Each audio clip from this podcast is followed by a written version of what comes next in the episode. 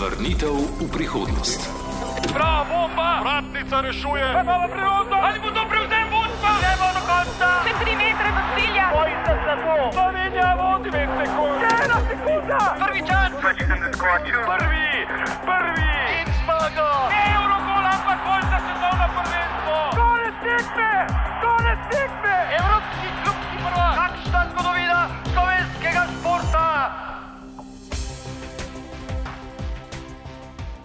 V tokratni epizodi športnega časovnega stroja bomo zaplesali v ringu. Dejan Zavec je boks približal slovenskim množicam, kot prvi slovenec je nadel šampionski pas v enem od najpomembnejših svetovnih boksarskih združenj in ga trikrat tudi obranil. Leta 2010 je napolnil stožensko dvorano in na krilih navijačev obranil šampionski pas. In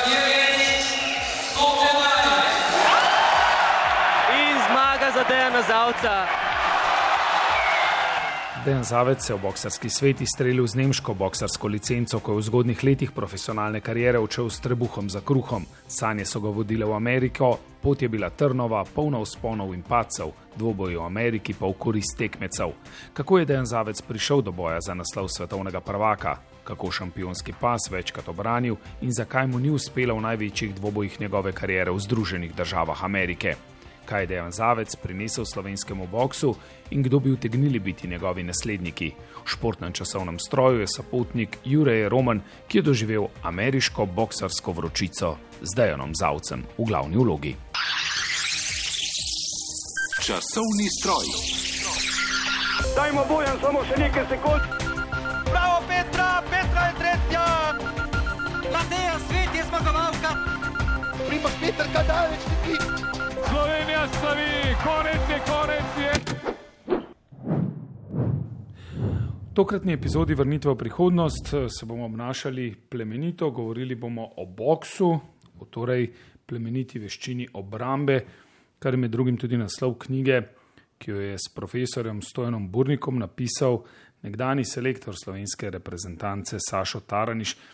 Glavno, največkrat izgovorjeno ime tokratnega podcasta pa bo Dejan Zavec, naš eh, najboljši boksar in nekdani svetovni prvak po verziji IBF. Gremo torej v ring, v katerem bova z mikrofoni plesala Jurek Roman in Boštjan Rebršak. Jurek je spremljal večino eh, dvobojev eh, Dejana Zavca, sta kdaj odvrgala rokavice.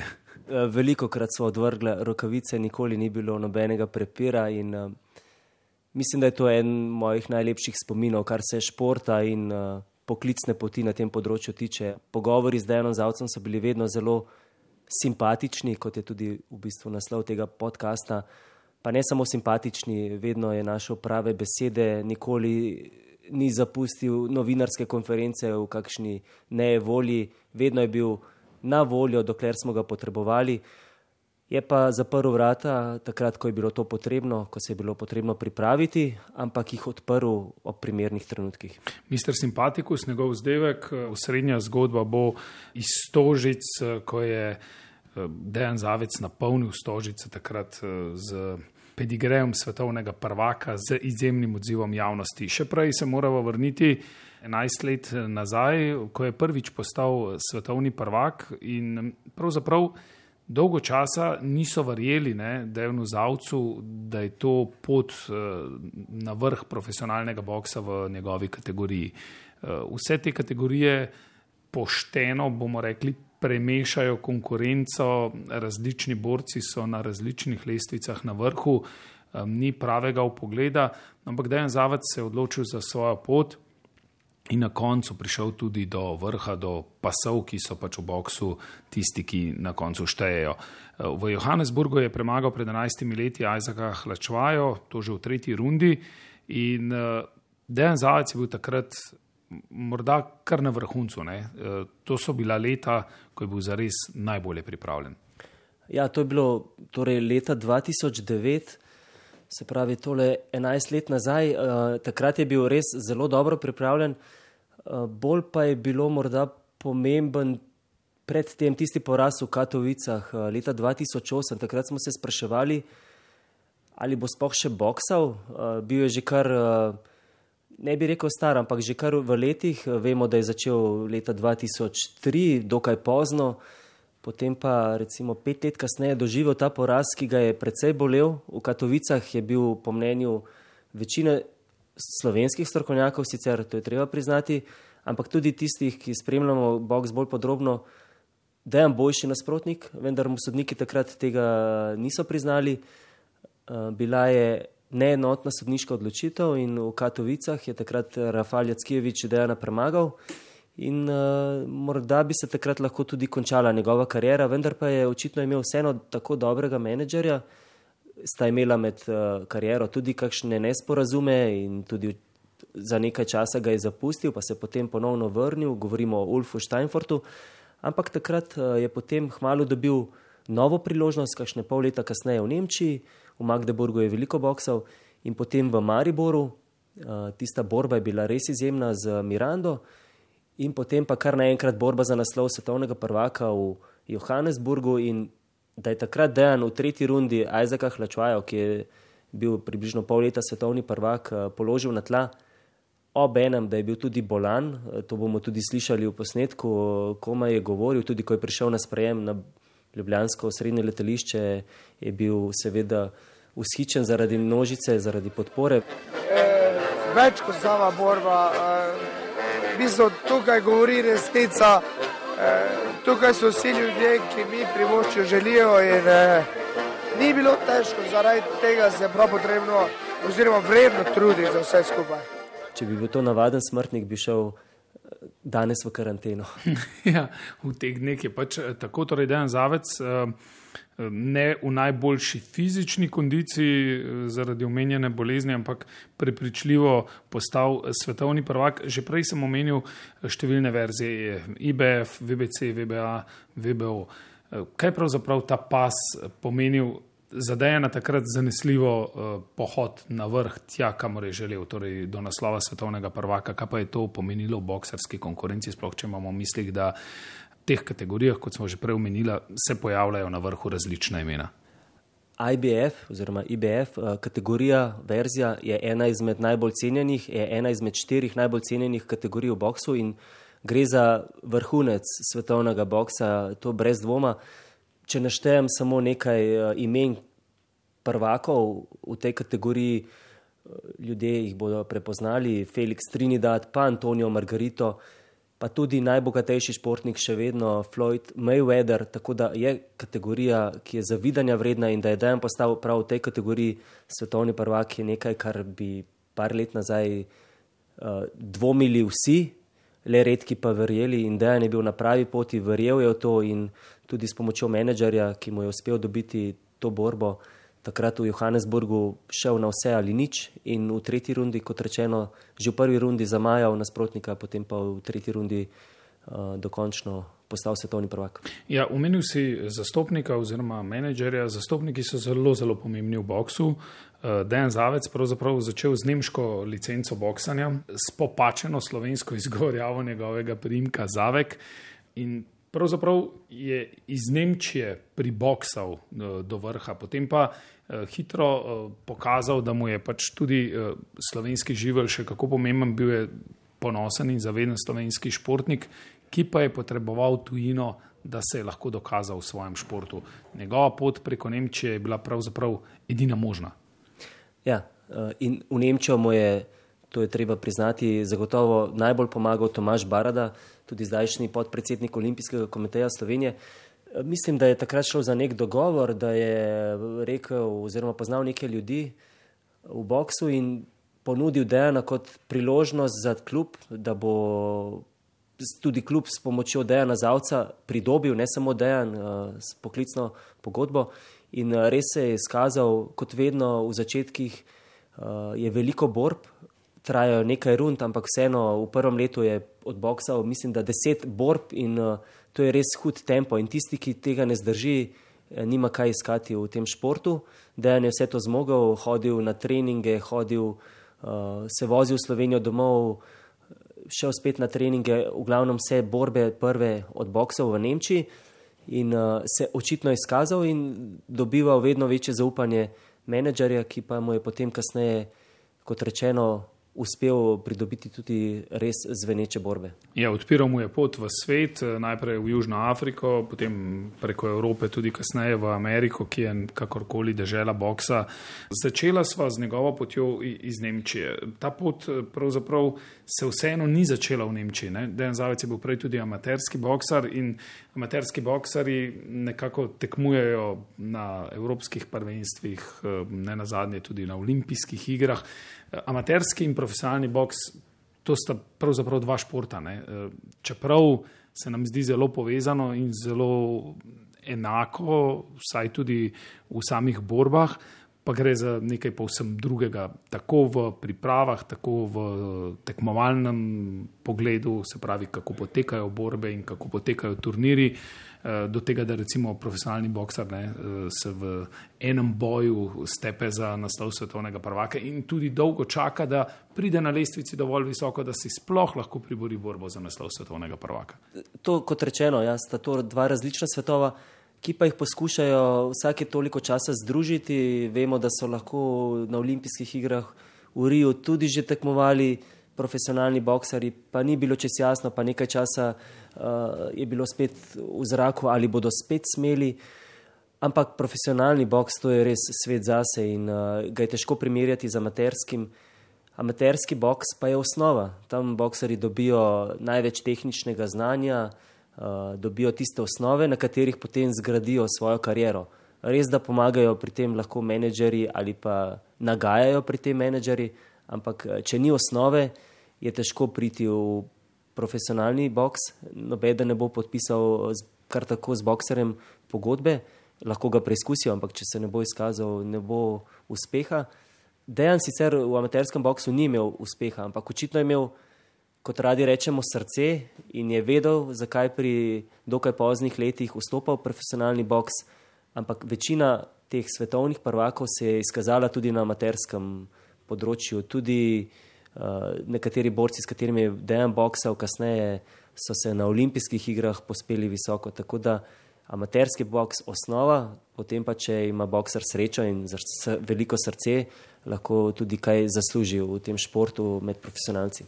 Je torej Dan šel profesionalno v Nemčijo, še predtem si rekel, brez pravih rezultatov v amaterskem boksu, ampak tam je bil začetek. Kdo ga je opazil, eh, kdo mu je tlakoval pot, kakšna je bila pravzaprav to njegova eh, boksarska mladost, bomo rekli, ne, eh, ko govorimo o njegovih začetkih, še preden se je odpravil v Nemčijo, takrat dobesedno s trebuhom za kruhom. Ja, Dan ni imel lahkega otroštva, eh, lahko si vsak prebere tudi v knjigi, ki jo je napisal Esad Babačič, ampak očitno je imel nekaj več, kot imamo mi.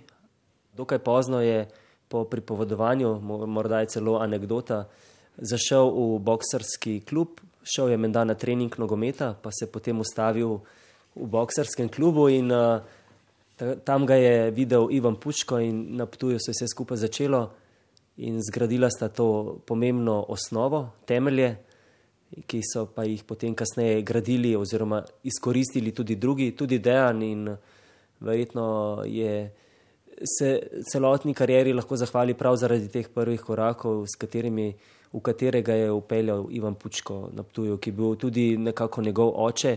Dejan je v svoji amaterski karieri, mislim, da odboksal okrog 250 borb, kar je še pomembno, nikoli ni padel, nikoli, nikoli ni doživel nokauta in ta trdnost se je potem kasneje izkazala tudi med profesionalci. Pravzaprav eh, ravno to je zanimivo. Zastopniki, menedžeri in ne nazadnje tudi statistika boksarja se šteje v zmagah, eh, nokautih in tudi koliko krat eh, boksar pade in vse te karakteristike na koncu oblikujejo podobo boksarja, ki jo lahko predstavljajo javnosti, zastopniki pa seveda potem gledajo, kje lahko zaslužijo, kakšen trg je za njimi. In tu je zdaj znova zelo velik pomen nemške boksarske licence. Eh, Dejan Zavec, verjetno, če bi ostal v Sloveniji, tudi če bi se podal na pot eh, vrhunskega boksa, zaradi majhnosti slovenskega okolja verjetno ne bi dočakal borb za naslov svetovnega prvaka ali pa bi na njih čakal verjetno predolgo, no, da bi sploh lahko v karieri to izkusil in okusil. Se popolnoma strinjam. Mislim, da je bilo več srečnih na ključi, ampak uh, sreča se vemo, koga spremlja. Če da ne bi imel pravih ljudi okrog sebe, če da ne bi bil pravi, tudi ne bi bilo teh borb in tudi ne bi prilezel tako daleč. Če bi ostal samo v Sloveniji, pa verjetno uh, bi dokaj hitro zaključil svojo kariero, vse se bo verjetno na koncu še vrnila malo v prihodnost, oziroma pogledala v prihodnost, ki pa za slovenski boks trenutno ni najbolj bleščeča. Torej, to, kar je storil Dejan, bomo verjetno pomnili še dolgo. Je zanesljivo, sploh pa, ker v tem profesionalnem boksu, že zaradi omenjene slovenske majhnosti, težko prideš do veljave v samem športnem svetu, torej v samem svetu boksa. Nemčija je bila torej nekakšna odskočna deska za razvoj karijere Dejana Zavca, se je pa pravzaprav z vsako borbo vračal v Slovenijo. Zdaj njegov zastopnik Ulf Steinfurt je bil oseba, človek, ki je gradil z njim omenjeno podobo uh, boksarja za največje dosežke, tudi za naslov svetovnega prvaka. Uh, živeli so z njim takrat v Nemčiji, njegov klub mu je dajal podporo. Uh, tudi kar nekaj navijačev je imel ob borbah uh, za svoj klub oziroma za nemškega zastopnika, zakaj se je vsakič znova vračal uh, v Slovenijo in katere so bile tiste prve slovenske borbe, borbe v Sloveniji, ko ga je prepoznala tudi slovenska javnost. Dejan se je vračal v Slovenijo ravno zaradi svojih, svojih korenin, kako naj rečem, um, žene Nataše. In uh, mislim, da je tukaj izgradil vse tisto, kar je rabil, oziroma dobil vse tisto, kar je rabil, da je potem na, v Nemčiji spet dobro treniral. In uh, če se ne bi verjetno vračal domov k svoji družini uh, in se tukaj umiril, napolnil baterije, potem bi tudi v Nemčiji teže treniral. Po drugi strani pa je tudi videl, zakaj hodi v Nemčijo, vedel je s kakšnim razlogom. Seveda imaš šport rad, ampak uh, če od njega nič nimaš, uh, težko preživiš svojo družino in je vedel, zakaj trenira, zakaj se mora odrekati tudi verjetno prvim korakom svojih ščera, ampak dejan je to storil uh, s točno določenim namenom. In ko se je le dalo, je bil z družino, ko pa je vedel, da mora trenirati, se pripravljati za kakšno borbo, pa je seveda odšel na priprave. Uh, prvič je sicer boksal uradno v Sloveniji kot profesionalec že leta 2004, se pravi v prvem letu svojih poklicnih borb, to je bilo v Mariboru. Potem pa bi rekel, da je nekako prebil ta slovenski trg eh, s tisto borbo na Ptuju, bila je to že osrednja borba večera. To pa je že nekaj pomenilo, to pa je bilo leta 2006 in takrat je že napolnil domačo dvorano. Gledalci so kar noreli, spomnim se tiste borbe na Ptuju in bilo je res pravo vzdušje, dobil je podporo ogromno medijev in takrat je tudi širša javnost poznala Dejana Zavca brez dvoma. Seveda to je nekaj novega, kaj, te v bistvu prihajamo oziroma se spenjamo na neki sam svetovni vrh in to je en poseben občutek. E, tudi kot vsi ostali športniki. E, naprimer smučanje, doma je le doma. Mislim, da se doben športnik ne izogiba domačega terena.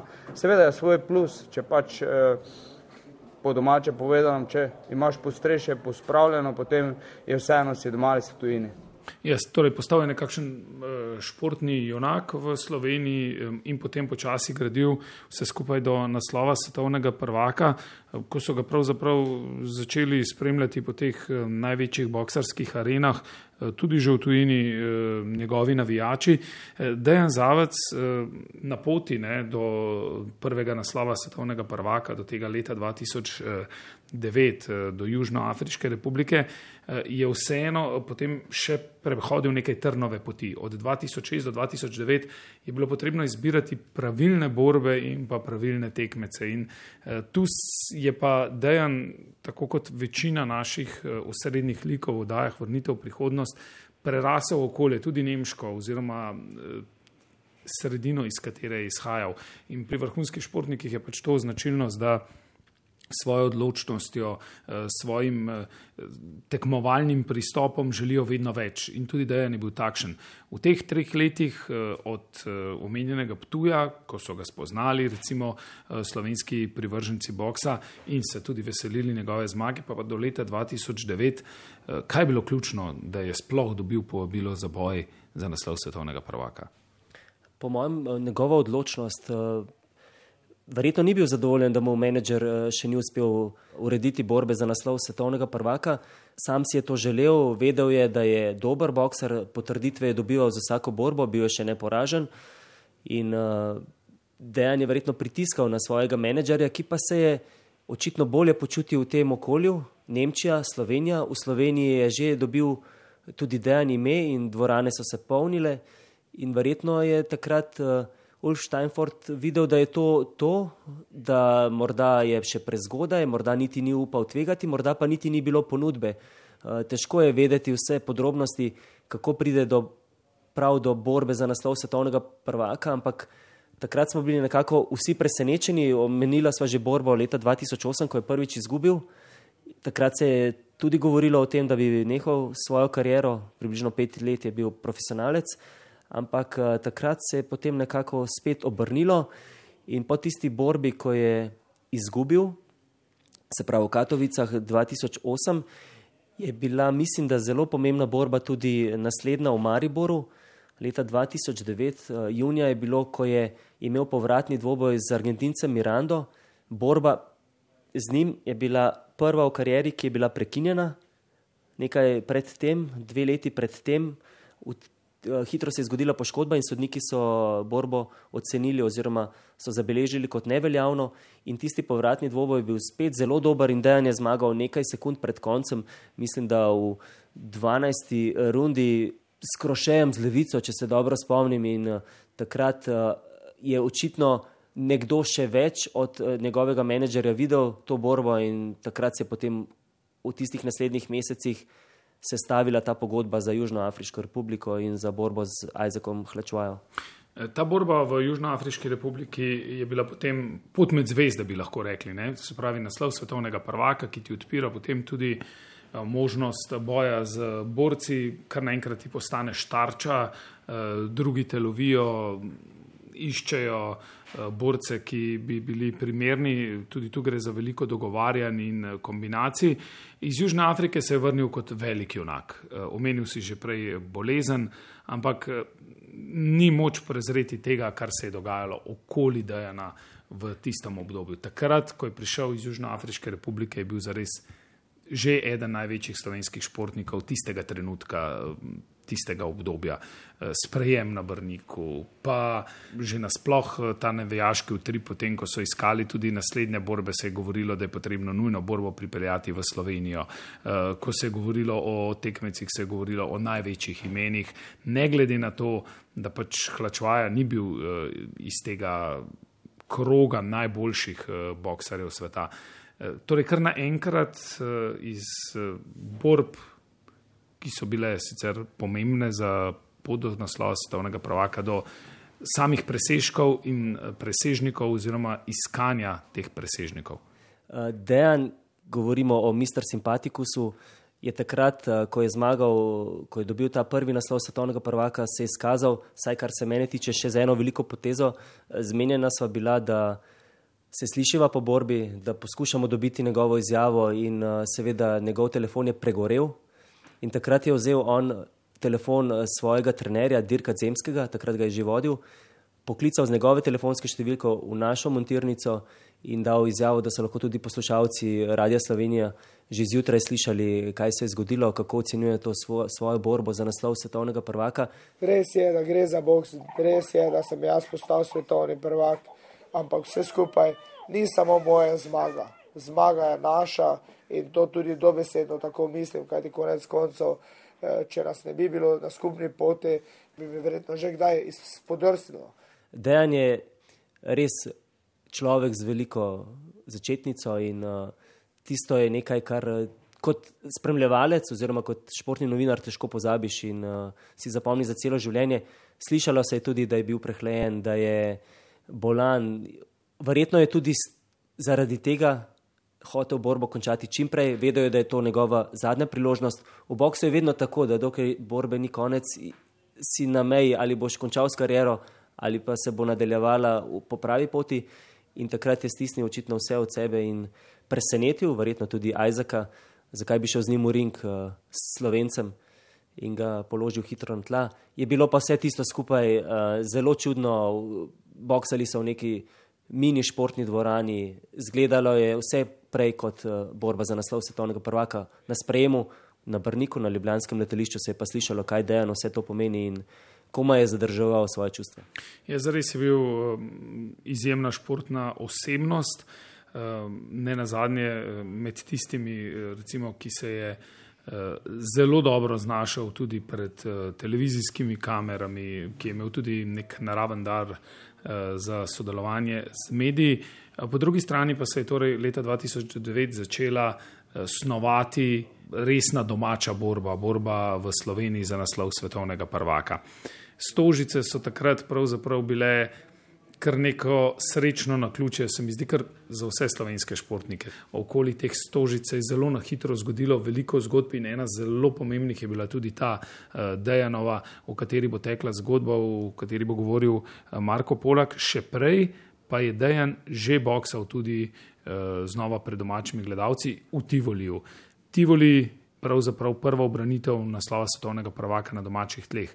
Vse se je že, se mi zdi, tudi pripravljalo na te stožice, ampak neko mestno borbo eh, so vseeno še pripravljali in v profesionalnem boksu je tako, da pravzaprav uh, si postavljajo bokseri recimo neke vrhunce borb za sezono, morda dve naprej, ne, vmes pa morajo braniti naslov. To je tudi neke vrste pravilo. Tako je, ja. In uh, iz tega pravila je potem nastala tudi ta borba v Tivoliju. Moram reči, da je bilo seveda vzdušje zelo dobro, ampak eh, tisto v Stožicah, približno 3-4 mesece kasneje, jeseni, je bilo pa nekaj povsem drugega. V Tivoliju je bila tudi morda borba prevelik zalogaj za organizatorje. Uh, ni bilo niti pravih razmer za delo, če gledam samo iz svojega stališča, vse je bilo malo kaotično. Ampak eh, dejan je, kot pravi eh, športnik, pokazal, zakaj je stopil v ring. Takrat eh, Argentinca Martineza premagal tudi v 12. rundi, tako da so imeli tudi tisti, ki so kupili vstopnice, kaj za videti. Ni se hitro končalo, bilo je napeto in dejan je takrat še dodatno navdušil vse navijače in očitno pripravil teren za jesen, ko pa je kot prvi posameznik športnik napolnil to novo dvorano.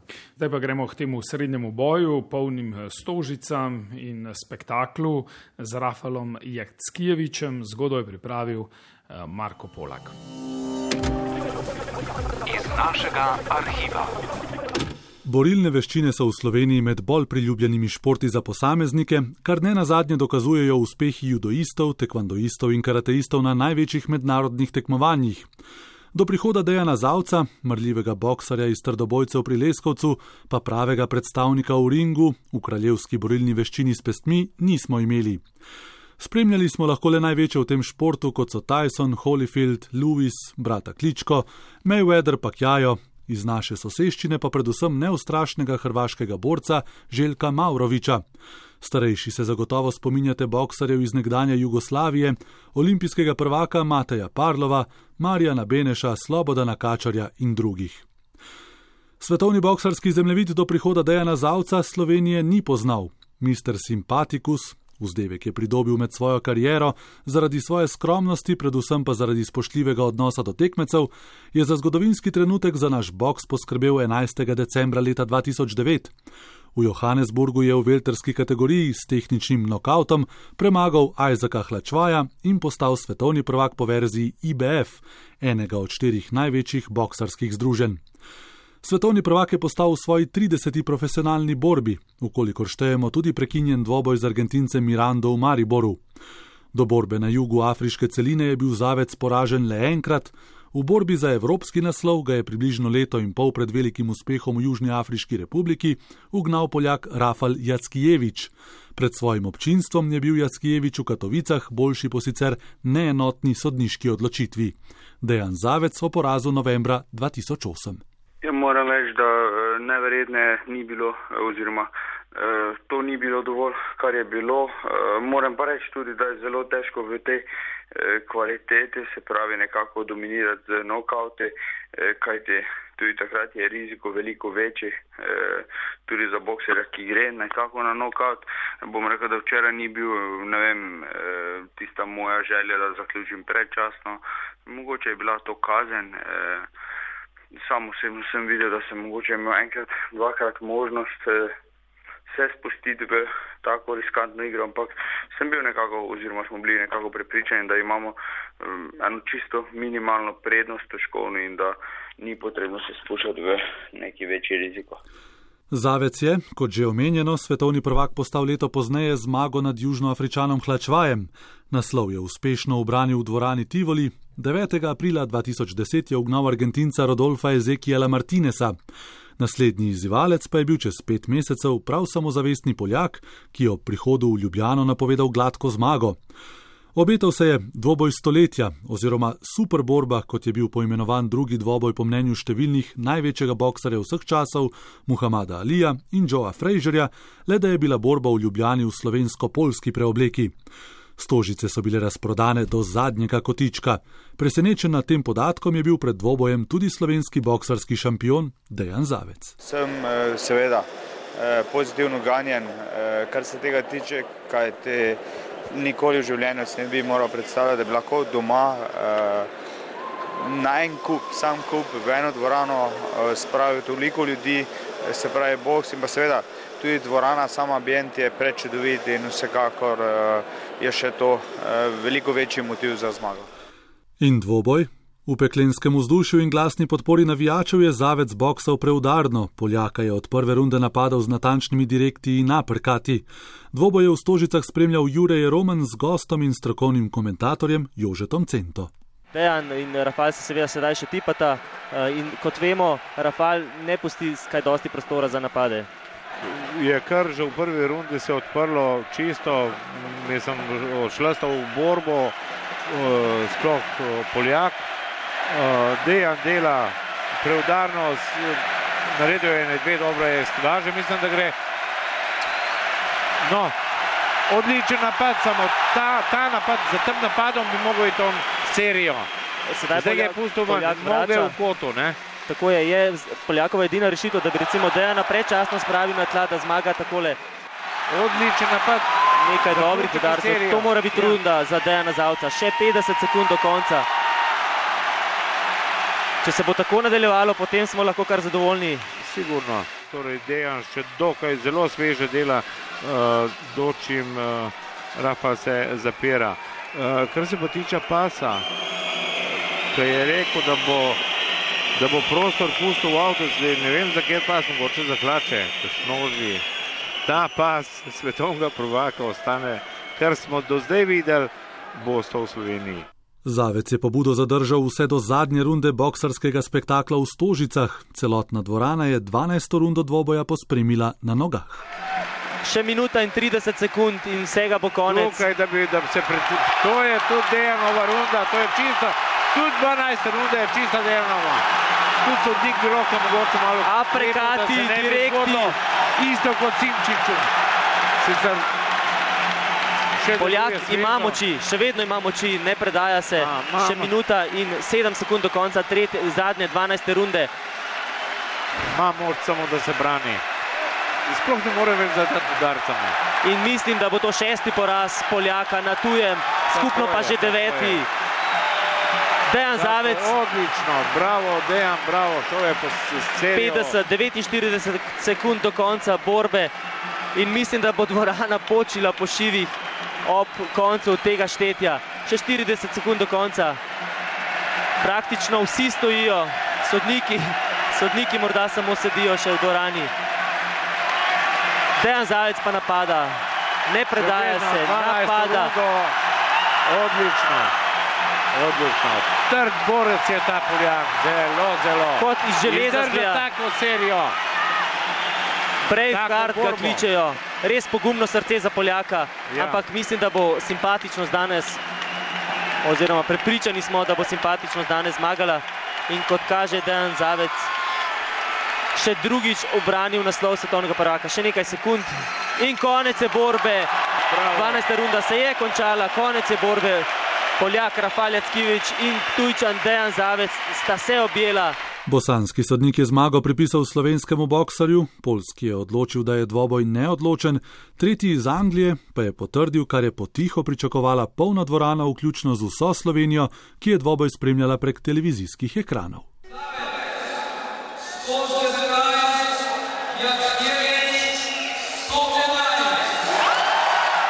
In zmaga za Dejana Zavca.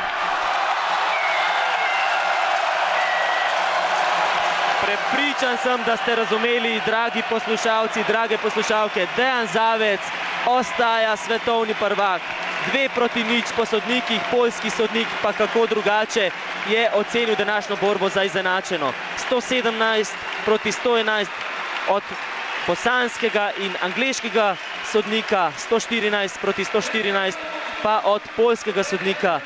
Malo smešno pa vendarle, da je tako, tako velika razlika. Pomembno pa je, da je Dejan Zajec ostal svetovni prvak. Svetovni prvak v velterski kategoriji po verziji IBF se je najprej zahvalil navijačem, dvoboj pa opisal. Vsekakor sem si želel te zmage, čisto za res. Vedel sem, da ne bo preprosta. E, bilo je par momentov, ki bi jih lahko izkoristil tudi veliko prej, ampak vse skupaj je bilo preveč rizično. Tudi Rafal je bil odlično pripravljen, kondicijsko in fizično. E, prav gotovo moram reči, da e, je definitivno, če m, zak, naredim kratek zaključek, to je ena e, vsekakor najtežja borba za mene osebno. Zmago nad Rafalom Jackijevičem je Zavec poskrbel za boksarsko euforijo v Sloveniji. Do danes je še vedno edini športnik posameznik, ki je do zadnjega kotička zapolnil dvorano za nekaj več kot 12 tisoč gledalcev. Dvorana v Stožicah je bila v novič zapolnjena 18. februarja leta 2011, ko je še tretjič uspešno obranil naslov zmago nad američanom Polom Delgado. Vrnitev v prihodnost. Dejan Zavec polnih stožicah navdušil in se mi zdi, da zelo podobno kot leto poprej, ob prihodu iz Južnoafriške republike, takrat pa morda še bolj v euforiji, so se začela pojavljati imena in pa tudi želja, da bi pa Dejan boksal tudi v Združenih državah Amerike. Ni bilo to njegova zadnja borba v stožicah, še se je vrnil premagal v letu 2011 američana Pavla Delgada in to je bila tudi prva borba z američanom. Ne. Vse se mi zdi v želji, da bi pa vendarle prišel do Amerike. No, Delgada je na hitro ukrotil in zares prepričljivo zmagal. Zmaga proti američanu, dvakrat obranjen naslov svetovnega prvaka, vse je kazalo, da ni več ovir za pot on stran Atlantika, pa še vedno ni bilo prav enostavno. Ne? ne, in tudi dolgo je trajalo, da se je ta borba dokončno uh, podpisala. Andre Berto je bil tisti nasprotnik, s katerim je prvič boksal na drugi strani Atlantika. Pol Delgado pa je bil v bistvu boksar, ki mu ni bil dorasel v peti rundi, ga je premagal v Stožicah. Takrat v Stožicah um, so tudi morda gledalci čutili, da gre predvsem za morda zaslužek organizatorjem, da je ta borba morda celo odveč, da je dejan vreden več.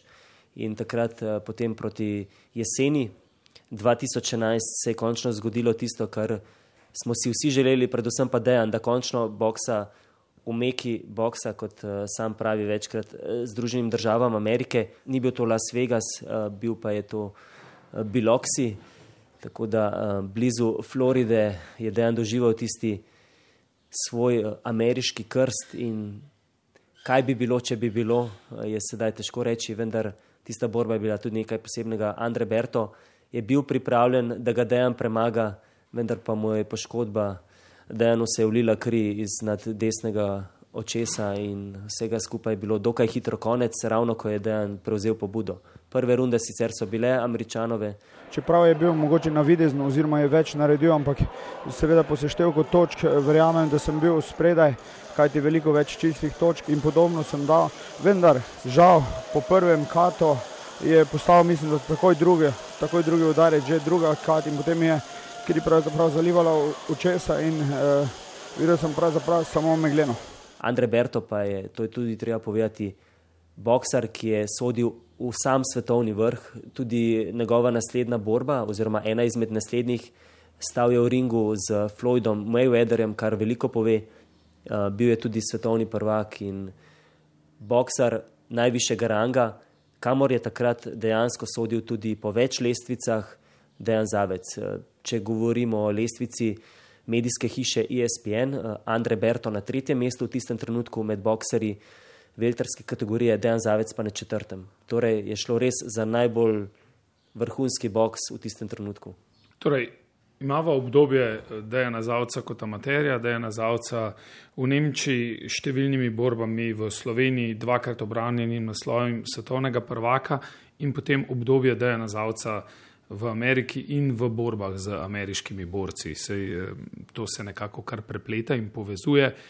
In taka velika želja je bila priti do Amerike, do ameriškega tržišča.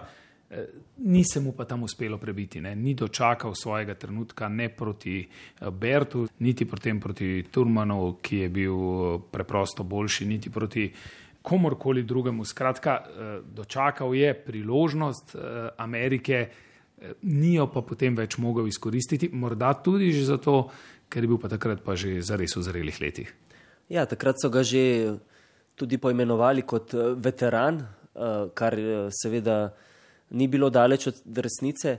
Eh, spomnim se nekega pogovora, mislim, da je bilo po neki nemški borbi, srečala sva se v celju, eh, ko še ni bil niti star 30 let in je rekel, ja, mislim, da bom pri 30, 31 nehal, pa se je potem povleklo to še za skoraj celo desetletje. Dejan je takrat eh, začel nabirati sadeže, kar mu je Amerika ponujala. Res, da mu ni uspelo zmagati nikoli v Ameriki, ampak vseeno je profesionalec, šel je v ring, tudi dobro zaslužil, o zneskih sicer nikoli ni govoril, koliko je zaslužil za kakšno borbo, ampak vseeno zagotovo je v Ameriki zaslužil največ v svoji karieri, ampak eh, nažalost pa mu pač ni uspelo zmagati. Imel pa je toliko besede očitno, da je menedžerja pregovoril, da mu tudi proti koncu kariere uspe še pridobiti kakšno borbo v Ameriki in potem Biloksiju je še dvakrat boksal v Ameriki. No in če govorijo o teh ameriških borbah, verjetno so bile to tudi njegove najtežje borbe ali pa borbe z ameriškimi borci in seveda tudi v Ameriki v njegovi karieri. Uh, je recimo kakšna primerjava med posameznimi borbami, pa morda tudi primerjava, kdaj je bil pa najbolj v podrejenem položaju, ker pač v Ameriki zmagal Nine. Kar sem videl sam, bil sem na vseh treh borbah. Eh, mislim, da je bil v najbolj izgubljenem položaju ali pa podrejenem v New Yorku leta 2013, ko je boksal s Turmanom. Tam uh, ni imel nobene priložnosti, tam bi ga rešil morda samo kakšen srečni udarec. Je bil pa prvi, ki je s Turmanom zdržal 12 rund v ringu, tudi njega ni mogel položiti, čeprav je bil znan kot izjemen borec, bil je predvsem mlajši od Dejana Zavca in uh, vse svoje nasprotnike predtem je položil na tla v prvi, drugi, tretji rundi, nihče ni zdržal več kot osem rund z njim v ringu, Dejan pa je bil prvi, ki je to zmogel. Ampak takrat Dejan ni imel nobene priložnosti za zmago. Uh, sodniki so se enotno odločili, da je pač uh, Turman preprosto boljši. Sam je sicer uh, po zahtevnosti nasprotnikov, pred kratkim sva govorila, govoril, da je bil njegov najtežji nasprotnik Erislandi Lara, tisti, ki je z njim stal zadnji v ringu, se pravi v njegovi zadnji borbi poklicni, potem je na drugem mestu prav omenjeni Turman in na tretjem mestu Berto. Torej so to borci, s katerimi je boksal v Ameriki, tudi po zahtevnosti najbolj težki nasprotniki, kar jih je imel v svoji karieri. Prva izkušnja Amerike se ni posrečila, poraza eh, oziroma poškodba z Bertom, poraz s Turmanom pa da je še ni obupal, še, še si je želel Ameriko, še si je želel to obljubljeno državo. Zato je potreboval znova nekaj izhodišč, dve borbi v Evropi in ne na zadnje še en zelo lep dogodek, ne sicer v Stožicah, ampak v Mariboru, pa tudi takrat eh, krasno vzdušje v dvorani Tabor. In to je bila znova pot do naslova svetovnega prvaka in znova pot potem, preko katere je prišel lahko do Amerike. Mislim, da smo ga takrat že vsi spraševali, kdaj bo nehal po svoje. Um, ne privoščiš znancu, kaj bom rekel, prijatelju, da uh, dobi udarce v ringu, ampak uh, bil je res dejansko že pravi veteran, ampak uh, upal je še na nek preboj, upal je še, da morda konča kariero zmago na nekem res visokem nivoju in v Mariboru je tudi še postal drugič v svoji karieri svetovni prvak, vendar pa je treba priznati, da to ni kategorija ranga IBF, ampak je takrat postal svetovni prvak v verziji VBF, eh, njegov nasprotnik pa armenec Saša Jengojan. Spomnim se tiste borbe, ki je dobesedno špricala po ringu in končala se v 12. rundi. Konec je borbe in še, zadnje, borbe in še zadnja ocena belgijskega sodnika po pričakovanju 10 za Jengojana in 9 za Zavca. O, to pa bo napeto. Z Matejem sva spremljala to borbo. Matej je gledal sodnike, koliko so ocenjevali. Pokojni Jože Centa je bil eh, strokovni komentator in do konca, dokler eh, uradni napovedovalec ni razkril imena zmagovalca, nismo vedeli, ali bo to res dejan. Takrat, če bi končal, pa bi zagotovo tudi dejan končal svojo kariero, oziroma bi bilo najbolj pošteno tudi do publike, vendar je na srečo so mu sodniki prisodili zmago in uh, postal je še enkrat svetovni prvak. In še enkrat si je privozil uh, vozovnico za Združene države Amerike za njegov zadnji uh, boj, za zadnjo borbo, ki pa se mi zdi, da je vendarle pri 39 letih bila že bolj češnja na torti njegove kariere, kot pa še realno iskanje preboja v Združenih državah Amerike. Eh, čeprav se verjetno športnik rad poslovi pred domačimi gledalci ali pa v krogu, eh, ki mu je bliže, pa pač Amerika ponujala Dejanu še verjetno edino neusvojljivo trdnavo in borca, ki si ga je pridobil za ta boj, je bilo potrebno spoštovati, v Miamiju pa je bila to še zares pika na ino njegove karijere in končalo se je še z enim porazom. Ne? Tako je. Tisto v Miami je bilo brez dvoma pika ni, kot si dejal, ogromno navijačev slovenskih je takrat prišlo. Bile so tudi dokaj ugodne cene letalskih povezav in eh, pravo slovensko vzdušje, harmoniko je bilo slišati. Eh, je bila pa tista borba narejena predvsem za televizijske gledalce in eh, moram reči, da ko sva s kolegom Miho Šimnovcem videla, kje vse bo dejan moral boksati, sva se kar malo spogledala. Ni izgledalo res na nivoju, vse borbe v Sloveniji so bile zgrajene na višjem nivoju, vendar pa za eh, televizijske gledalce to niti ni bilo pomembno. Še neka anekdota iz tistega časa, prav pred borbo se je močno ulilo in eh, nekaj časa so celo predstavili borbo, za nekaj časa so predstavili in z Mihom sva nekako pod klopjo morala spremljati vse skupaj, da nam ni zalilo vseh tehničnih naprav. Dejan pa je takrat uh, verjetno uh, bil poškodovan nekoliko že pred borbo in uh, kot rečeno za Laro je ocenil, da je to njegov najtežji nasprotnik. Je pa tudi uh, morda bilo malo nepoštene igre, da je um, sredi oziroma v začetku tretje runde nakazal, da ga nekaj boli, da bi rabil malo pomoči iz svojega kota, pa ga je takrat Lara verjetno niti ni dobro razumel in ga je še dvakrat, trikrat udaril in potem je bilo borbe hitro konec, dejan se je predal in končna, končen rezultat zapisan v njegovi biografiji je tehnični nokaut in konec uh, njegove borbe z Laro. In to je bilo tudi konec njegove kariere, ki pa ni prišla takoj po dvoboju. Ne? Takoj po dvoboju ste imeli možnost eh, klepetati z njim. Je pri skoraj 40-ih resno še razmišljal, da bi še ostal v boksu. Verjetno ne, ampak takrat po borbi bil je izredno razočaran, da ni mogel pokazati več. Če tudi bi izgubil, če tudi je vedel, da je bil Lara zelo dober nasprotnik, vrhunski boksar, je želel vsem tistim, ki so zaradi njega prišli v Ameriko, pokazati več, vendar pa žal ni mogel več, kot eh, je takrat naredil. Ja, iztrošenost pride tudi absolutno ob koncu karijere vseh vrhunskih športnikov in seveda boks s svojo zahtevnostjo absolutno med športi, kjer verjetno Emšo igra zelo, zelo pomembno vlogo, sploh pa v kategoriji, v kateri je boksal Dejan Zavec, ki je precej hitra, ne, precej agilen, je potrebno biti drugače kot v kakšni zares težki kategoriji, ko izkušnje pridejo morda bolj prav kot eh, kaj drugega. Skok v prihodnost. Konec karijere, torej Dejana Zavca, čas, da mi dva pogledava tudi v uh, prihodnost preko sedanjosti. Kaj zdaj počne Dejan Zavec? Ustanovil je tudi ne na zadnje svoj boksarski klub, uh, skrbi nekako, da bi pomagal slovenskim boksarjem pri prehodu v tujino, morda na podoben način, kot je sam to poizkušal, ima kar nekaj povezav, nima pa trenutno verjetno materijala uh, boksarskega v Sloveniji. Kako uspešen je na tem, kar počne zdaj, ko je v pravzaprav športnem pokoju? Ja, pred nekaj leti je poskusil sestaviti neko revijo boksarskih uh, dvobojev v večjih slovenskih mestih, med drugim tudi v Ljubljani, pa potem v Laškem, v Mariboru oziroma na Šentilju. Vendar pa je očitno bilo to eh, predvsem praznjenje njegovega žepa in eh, je videl, da eh, s to prireditvijo Zavec Boxing Gala ne bo prišel daleč, nekako v tem okolju ni dovolj podpore da bi sestavili še enega profesionalnega boksarja. Dejan je trener sicer Aljaža Venka, ki tudi poskuša kot profesionalec.